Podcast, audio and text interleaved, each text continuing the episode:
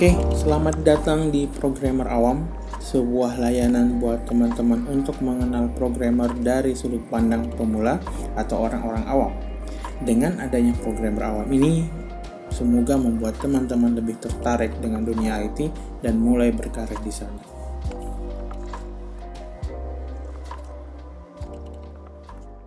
Kali ini kita akan berdiskusi santai dengan Kak Giva Erianto. Beliau adalah seorang software engineer di salah satu perusahaan besar yang bergerak di bidang pendidikan. Nah, perusahaan apa itu? Apa yang dilakukan Kak Giva di sana? Nah, mari kita sapa langsung Kak Giva Erianto. Halo Kak Giva. Halo.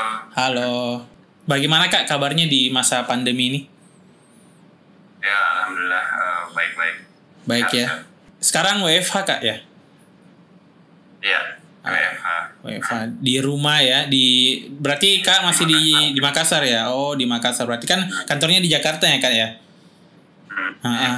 Sip sip sip. Nah eh, sangat saya sangat berterima kasih sekali sama kak Giva yang telah meluangkan waktunya untuk eh, diskusi santai kali ini. Oke jadi ya pertama eh, bisa diceritakan nggak kak Giva pengalaman kerjanya selama menjadi software engineer mungkin di Kuiper atau mungkin di eh, kerjaan sampingan atau mungkin kerjaan project yang Kak Giva kerjakan sekarang?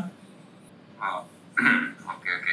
Jadi kalau cerita pengalaman sih, kalau saya ada yang pahitnya, ada yang enaknya. Asik. yang mana dulu nih bagus Kak? Yang pahit atau yang asik? Kita coba yang pahit-pahit dulu. asik ya benar benar. benar. Oke Kak silahkan. Nah, kalau pengalaman pahitnya sih lebih ke apalagi yang biasa kerja sampingan kan. Hmm. Sudah kerjain eh, bagus-bagus, sudah hampir selesai, eh, ternyata PHP. PHP bahasa pemrograman atau pemberi harapan palsu? ya, beri harapan palsu. Jadi ya sudah berapa kali lah eh, seperti itu. Dan itu yang paling mungkin yang paling apa sih eh, pahit lah ya. Karena ibaratnya kita sudah kerja capek-capek nggak dikasih nggak dapat apa-apa gitu. Hmm, ya, ya. Ya, ya seperti itu paling. Kalau paling pahit nih ya. Kalau yang asiknya sih pengalaman di eh, software engineer ya apalagi di perusahaan di Jakarta nih itu kita sangat diistimewakan lah kalau saya lihat. Hmm, Kayak kantornya di dikasih yang fasilitasnya bagus. Oke. Terus fasilitas misalkan laptop, misalnya selama di Jakarta tuh dapat Mac, ya, Wow. dari Bineka dulu, Wiper, ya kan, Mac-Mac terbaru lah gitu. Asik. Jadi dapat Mac ya Mas ya? Di ini maksudnya difasilitasi, Iya. nggak dijadiin uh, milik pribadi. Oh asik asik asik. Di di tempat lain juga banyak gitu kok. Jadi ya Hmm. merasa ini aja kalau jadi software engineer. Keren ya kak ya? Iya. Banyak ini juga apa namanya? Kayak makan siang misalkan Hmm. ya, cemilan itu kan kayak kayak apa ya dimanjakan sekali. Bener bener bener. Di Mungkin karena ini sih kayaknya karena apa? Software engineer itu kan rentan pindah-pindah. Hmm. Dapat ajakan, dapat ajakan dari mana-mana kan banyak. Ya mungkin cara perusahaan itu biar kita nyaman dan stay di sana lama dengan seperti itu. Oke, rentan pindah-pindah ya kak. Maksudnya keinginan programmer untuk eh, pindah-pindah perusahaan begitu ya kak ya? Iya. Oh ya ya ya ya. Tapi sekarang Kadang kita juga ini apa tidak mau pindah tapi ya ajakan dari perusahaan lain misalkan Hmm, menggiurkan. banyak menggiurkan ya sudah Ya sudah. Jadi eh, kebanyakan perusahaan di Jakarta itu memberi beberapa fasilitas-fasilitas baik itu secara logistik di peralatan device coding maupun eh, dikonsumsi agar eh, programmer itu nyaman di kantor yang mereka kerjakan sekarang ya Mas ya. ya, kayak- betul, betul. Hmm, ya ya ya ya. Oh, menarik ya kerja di Jakarta ya. Nah, pertanyaan selanjutnya nih Kak Giva ya, terkait masalah pengalaman kerja. Apakah pernah Kak Giva mengalami situasi di mana Kak Giva ini ada selisih dengan teman kerja? Dan kalau misalkan memang ada, kira-kira bagaimana caranya Kak Giva itu mengatasi hal tersebut? kalau selisih berselisih sama teman sih sejauh ini masih aman-aman aja paling ya dikit-dikit kelas ya oke okay lah ya namanya Hmm. laki-laki tapi nggak pernah sampai kayak apa ya ke bawah PHT gitu sampai dendam nggak Hmm. nggak sih Contoh, caranya paling ya ngajakin aja ini main game atau apa udah balik lagi udah kerap lagi tadi kan Paling gitu tadi kan Kak Giva bilang eh, ada sedikit clash. Bisa diceritakan sedikit nggak kak gambarannya clashnya itu kayak gimana? Mungkin sama programmer apa atau mungkin di di, di tim desain kah mungkin atau di tim manajemen mungkin atau bagaimana kak? ya lebih ke ini sih kayak perbedaan apa perbedaan pendapat ya Hmm. misalkan yang bagusnya kita pakai apa terus Oke. kenapa sih harus refactor kenapa harus rewrite misalkan Sip, ya sip, sip. ya hal-hal seperti itulah jadi bikin kita adu pendapat Adu tapi pendapat. kan ya namanya namanya software engineer itu kan atau teknologi secara umum itu kan wawasannya luas kan jadi Hmm. cakupannya luas. Eh, ya wajar kalau ada perdebatan. Cuman yang jadi poin di sini jangan sampai baper aja gitu. Hmm, oke, oke, nggak Jadi boleh. kan banyak diskusi kan namanya Iya. kolaborasi kok. Jadi ya bebas pendapat aja dulu. Nanti kan ada yang eh, apa namanya yang benarnya yang mau diimplementasi ya silahkan. Nanti kelihatan pastinya. Oke. Tadi Kak Giva ini singgung tentang refactor, rewrite. Itu bisa dijelaskan nggak Kak? Apa itu refactor? Apa itu rewrite? Itu masalah coding ya? eh, kayak kalau misal refactor itu lebih ke mm, memperbaiki penulisan yang lama misalkan Oke. atau cara algoritma yang lama jadi yang lebih efektif Oke. lebih efisien kalau re- rewrite ya memang menulis ulang seperti artinya juga Hmm, Oke. menulis ulang kodenya projectnya dibikin misalkan mungkin project lamanya tuh pakai teknologi lama yang sudah deprecated atau misalkan sudah tidak sesuai dengan kebutuhan ya mesti rewrite ya it's okay Oh, it's okay. Tapi itu harus butuh persetujuan berbagai macam pihak di perusahaan tersebut Kak ya? nah betul Oke, benar-benar. Wow, sangat menarik ya. Susah nggak kalau rewrite itu kak? Kira-kira. Refactor, rewrite. kalau susah sih eh, jelas susah karena kita mesti nulis semua ulang cuman kadang ada juga case di mana melanjutkan legasinya atau melanjutkan warisan ini Oh, waris. si programmer-programmer sebelumnya itu menjadi lebih susah dibandingkan rewrite Oke. kadang ya Oke, oke. Jadi aku tangkap ya kak ya. Jadi yang rumit di rewrite adalah saat kita mau membaca codingan yang dikerjakan oleh programmer yang sebelumnya ya kak ya. Itu misalkan eh, kalau misalkan ada kasus seperti itu, kita ngoding di aplikasi yang dulu dikerjakan sama programmer lain, kita pengen rewrite, tapi kita minta izin dulu ke programmer lainnya atau programmer lainnya sudah tidak ada di kantor itu. ya biasanya sudah tidak ada Hmm. ataupun kalau misalkan eh, apa namanya masih ada ya intinya yang memutuskan itu si lead eh, projectnya Oh, misalkan oke. ya supervisor atau engineer manager kah atau apa Oke, intinya oke. yang bertanggung jawab sama produk itu ya dia yang mempunyai kuasa izin tidak mengizinkan Siap, siap, siap. Oke, sangat menarik sekali ya bekerja di eh, sebuah perusahaan besar ya kayak sudah dapat fasilitas makan, fasilitas device. Waduh, apalagi ya kayak. nah, eh, pertanyaan selanjutnya nih Kak Giva. Selama kerja dengan status sebagai software engineer di semua perusahaan ataupun mungkin di kerjaan proyek sampingan yang Kak Giva kerjakan, yang Kak Giva ciptakan aplikasinya, eh, apa-apa saja yang Kak Giva buat waktu selama jadi programmer atau software engineer Kak? Hmm, kalau yang pertama sih yang bikin sendiri terus dijalanin sendiri itu ada dulu namanya kotak arsip. Kotak Itu arsip. apa? Startup saya. Oh, itu dia aplikasi untuk manajemen arsip. Jadi secara online. Iya, iya. Uh, cuman ya sekarang sudah tidak dilanjutkan karena kan namanya buat uh, aplikasi seperti itu apalagi arsip itu ada kaitan legalitas Hmm. atau kepercayaan ya kan karena kita megang apa namanya berkas perusahaan nih. Jadi ya saya mundur karena tidak tidak apa tidak terlalu mampu menjaga itu. Oke. mikirnya kayak aduh beresiko ini. Iya iya iya. akhirnya uh, lanjut masuk ke perusahaan. Katakanlah dulu namanya DTC uh, Dokotel Teknologi Service Oke. itu agensi di Makassar.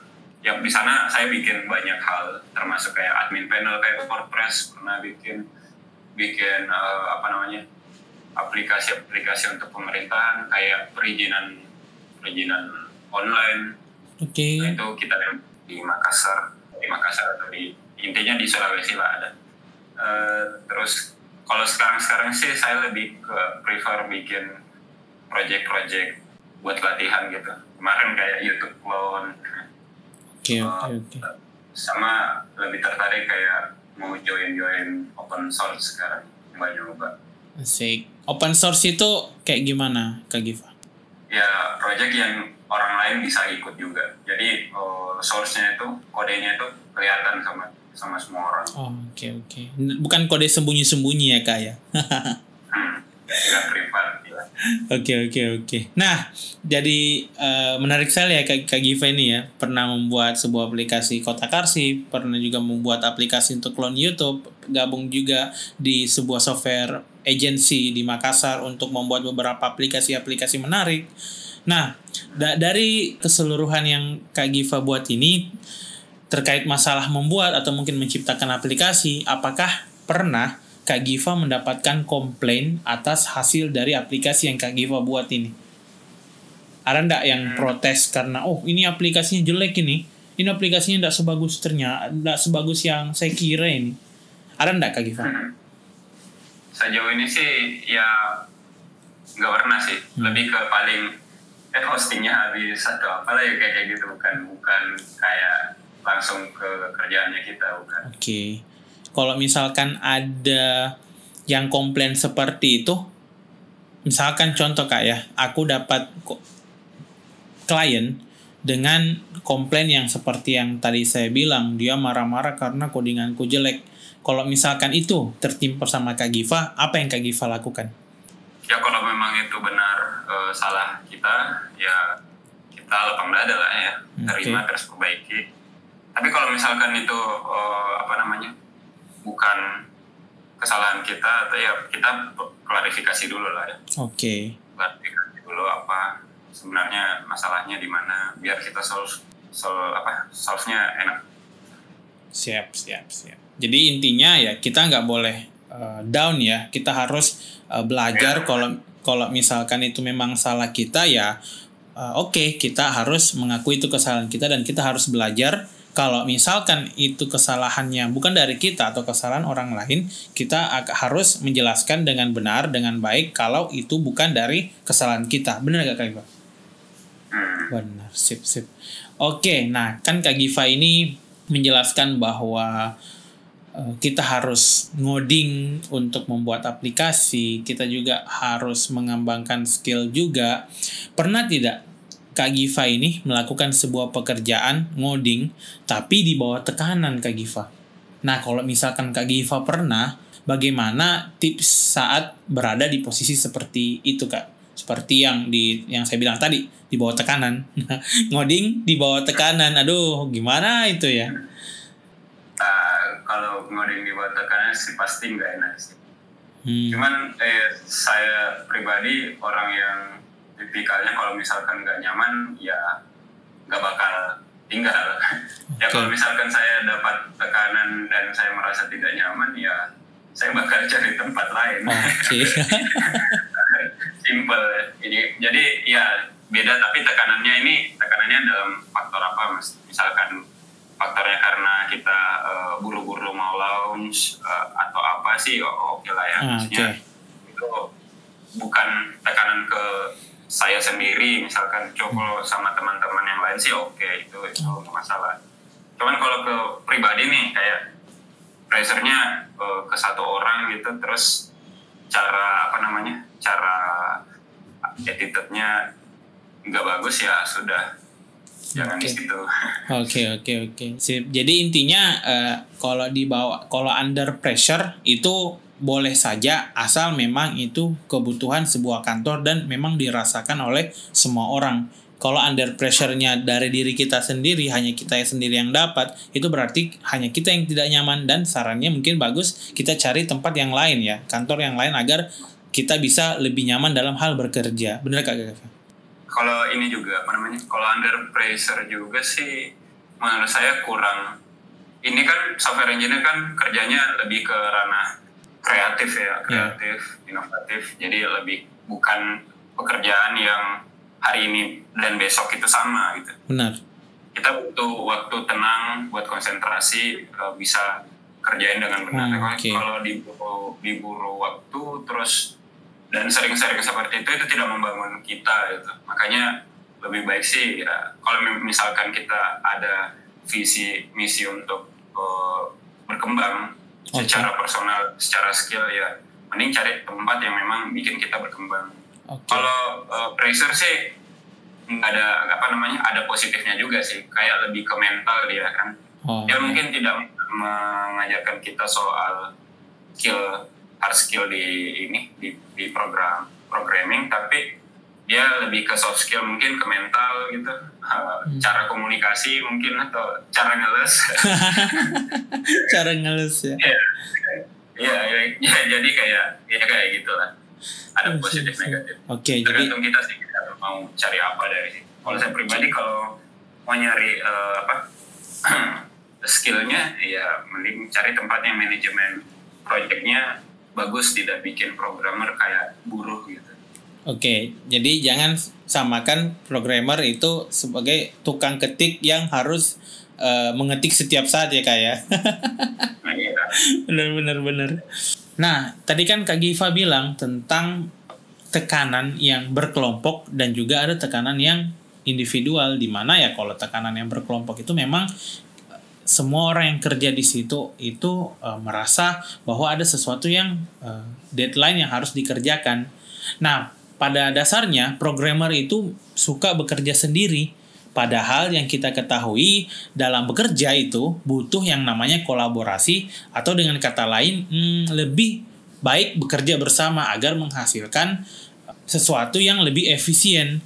Nah, menurut Kak Giva ini sebagai seorang software engineer menanggapi hal tersebut berdasarkan pengalaman kerjanya Kak Giva, itu bagus ndak? Bener ndak kalau misalkan kita harus kerja eh, bareng, kerja kolaborasi atau memang sih kalau programmer harus kerja sendiri?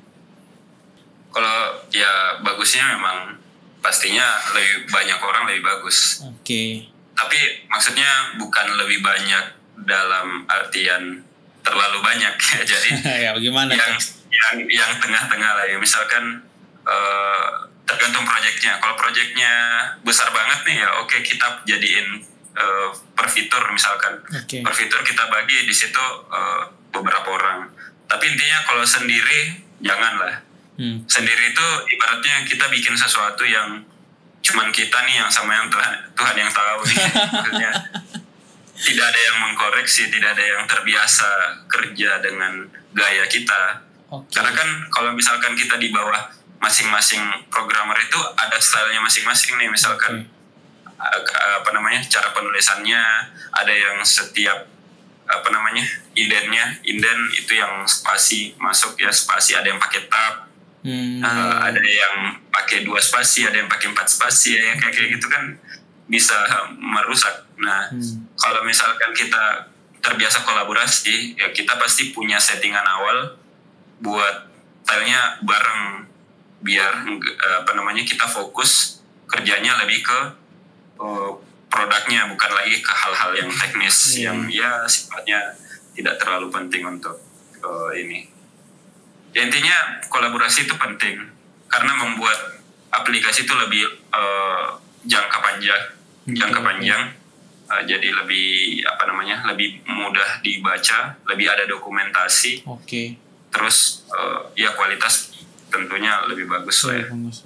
Sip, sip, sip. Jadi kesimpulannya adalah yang tadi dari pertanyaan yang tadi adalah kita memang harus butuh kolaborasi agar codingan kita itu bukan cuma kita dan Tuhan yang tahu ya kayak kita Iya, juga kita juga harus butuh orang lain untuk mengkoreksi kerjaan kita agar nantinya ker- kerjaan kita itu bisa lebih efisien bisa lebih maksimal bener gak Kak Eva? Hmm. Benar. Sebagai gambaran mungkin saya kasih gambaran. Oke. Kalau di kalau di saya nih tim saya, kalau misalkan kita bikin perubahan atau bikin eh, apa namanya, kita submit code namanya commit ya kalau namanya kalau di di ini kita Bahasa coding ya, Nah, bahasa kita programming. Hmm, commit itu kita nge, kita sudah merubah sesuatu nih, terus kita submit ya. Jadi kita kirim kodenya ke project inti. Jadi kalau kalau ngoding tim itu ada project inti, terus ada project yang di lokal kita masing-masing Oke. atau di, di, di punya kita masing-masing. Nah, kalau kita ngubah sesuatu, kita kasih nih ke project aslinya perubahannya apa. Nanti perubahan itu tidak langsung di eh, apa namanya?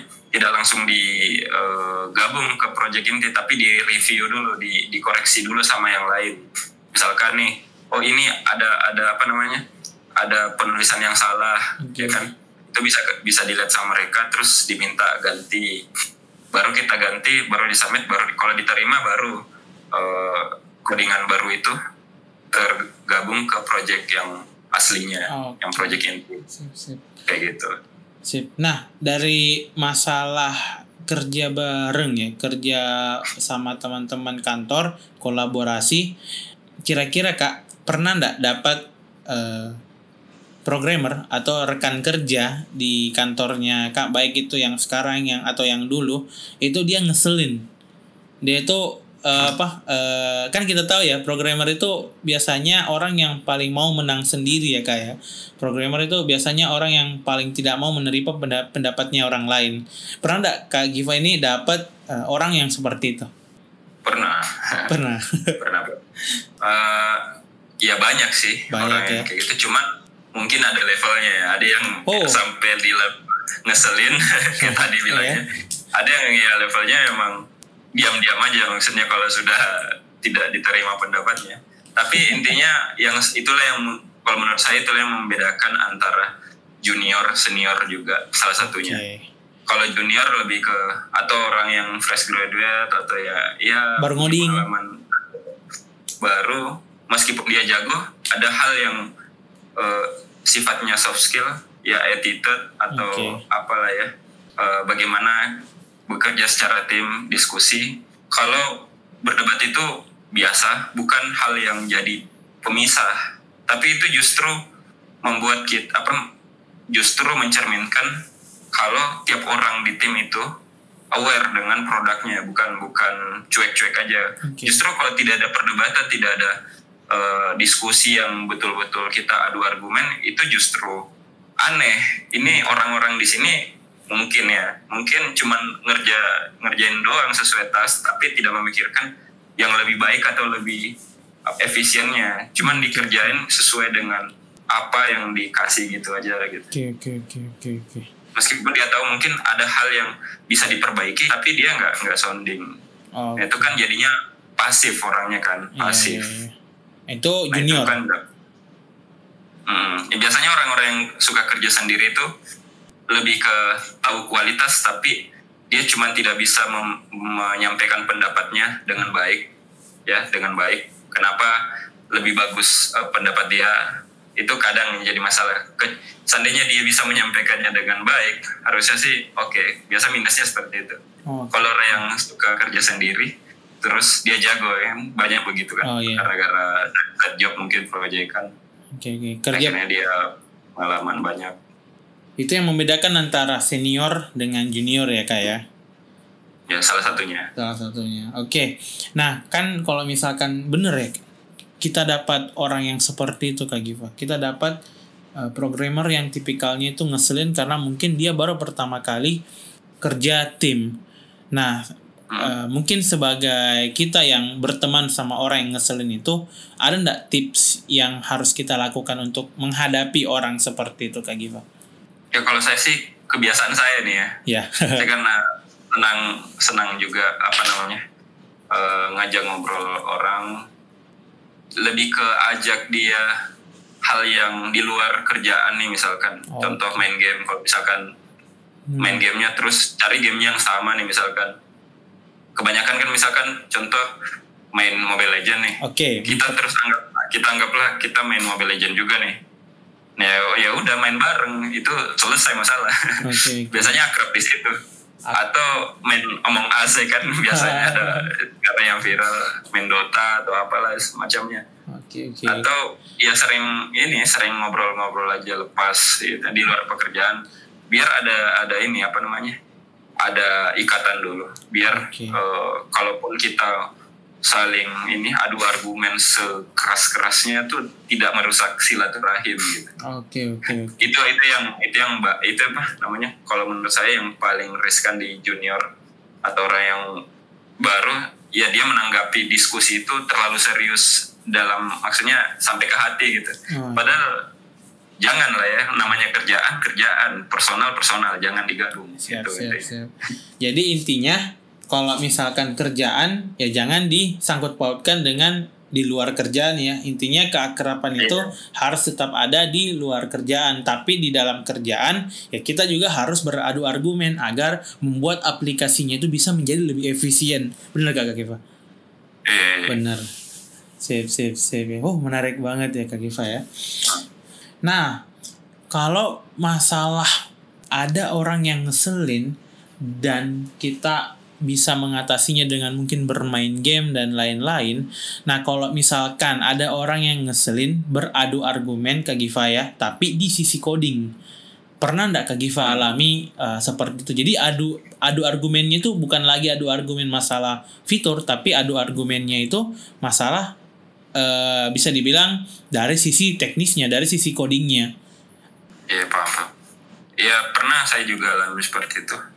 Justru Oke. itu yang lebih gampang di ini sih, lebih gampang diselesaikan karena Oh, coding itu kan bisa diukur eh, mana yang bagus, mana yang tidak oke oke. berdasarkan ya, banyak referensi lah ya kalau codingan Hmm. mah. Eh, Iya, iya, iya. Jadi ya menurut saya kayak pernah saya berselisih pendapat soal tes misalkan. Bikin tes di aplikasi. Cara bikin tesnya tuh kayak gini. Saya mengomentarinya kayak gini kalau di front end tuh eh, gini. Ya tidak semua kayak apa eh, tidak seperti yang misalkan di di di apa pendapatnya dia. Oke. ya kayak kayak gitu lah. Padahal sebenarnya kalau secara prinsip kalau kita sama-sama kembali ke prinsip awal harusnya sih bakal sepakat makanya itu Oke. lebih gampang lah kalau kalau soal kode teknis karena referensinya pas kita tahu ya sudah pasti sepakat Tapi tapi, kalau Ah, Tapi kalau misalkan ada yang nggak sepakat gimana Kak? ya pasti dia dia kasih pendapat dulu dong Oke. kayak kenapa dia tidak sepakat Oke oke oke. pokoknya hal itu kecuali nih beda halnya kalau contoh di UX nih misalkan UX Oke. itu kan berkaitan dengan cara orang pakai gitu kan. Atau misalkan kita persoalan teknis desain. Menurut saya ini jelek menurut saya ini bagus. Itu kan perspektif. Iya iya iya. tapi kalau kalau apa namanya persoalan codingan yang sifatnya efisien secara logika atau apa sih lebih bisa diukur sih. Oke. mungkin karena ada matematikanya matematika ya sudah kan pasti kelihatan yang mana Ya. yang mana yang benar. cepat mana yang lambat Ya mana yang cepat dan mana yang enggak ya Kak Giva ya. ya, ya.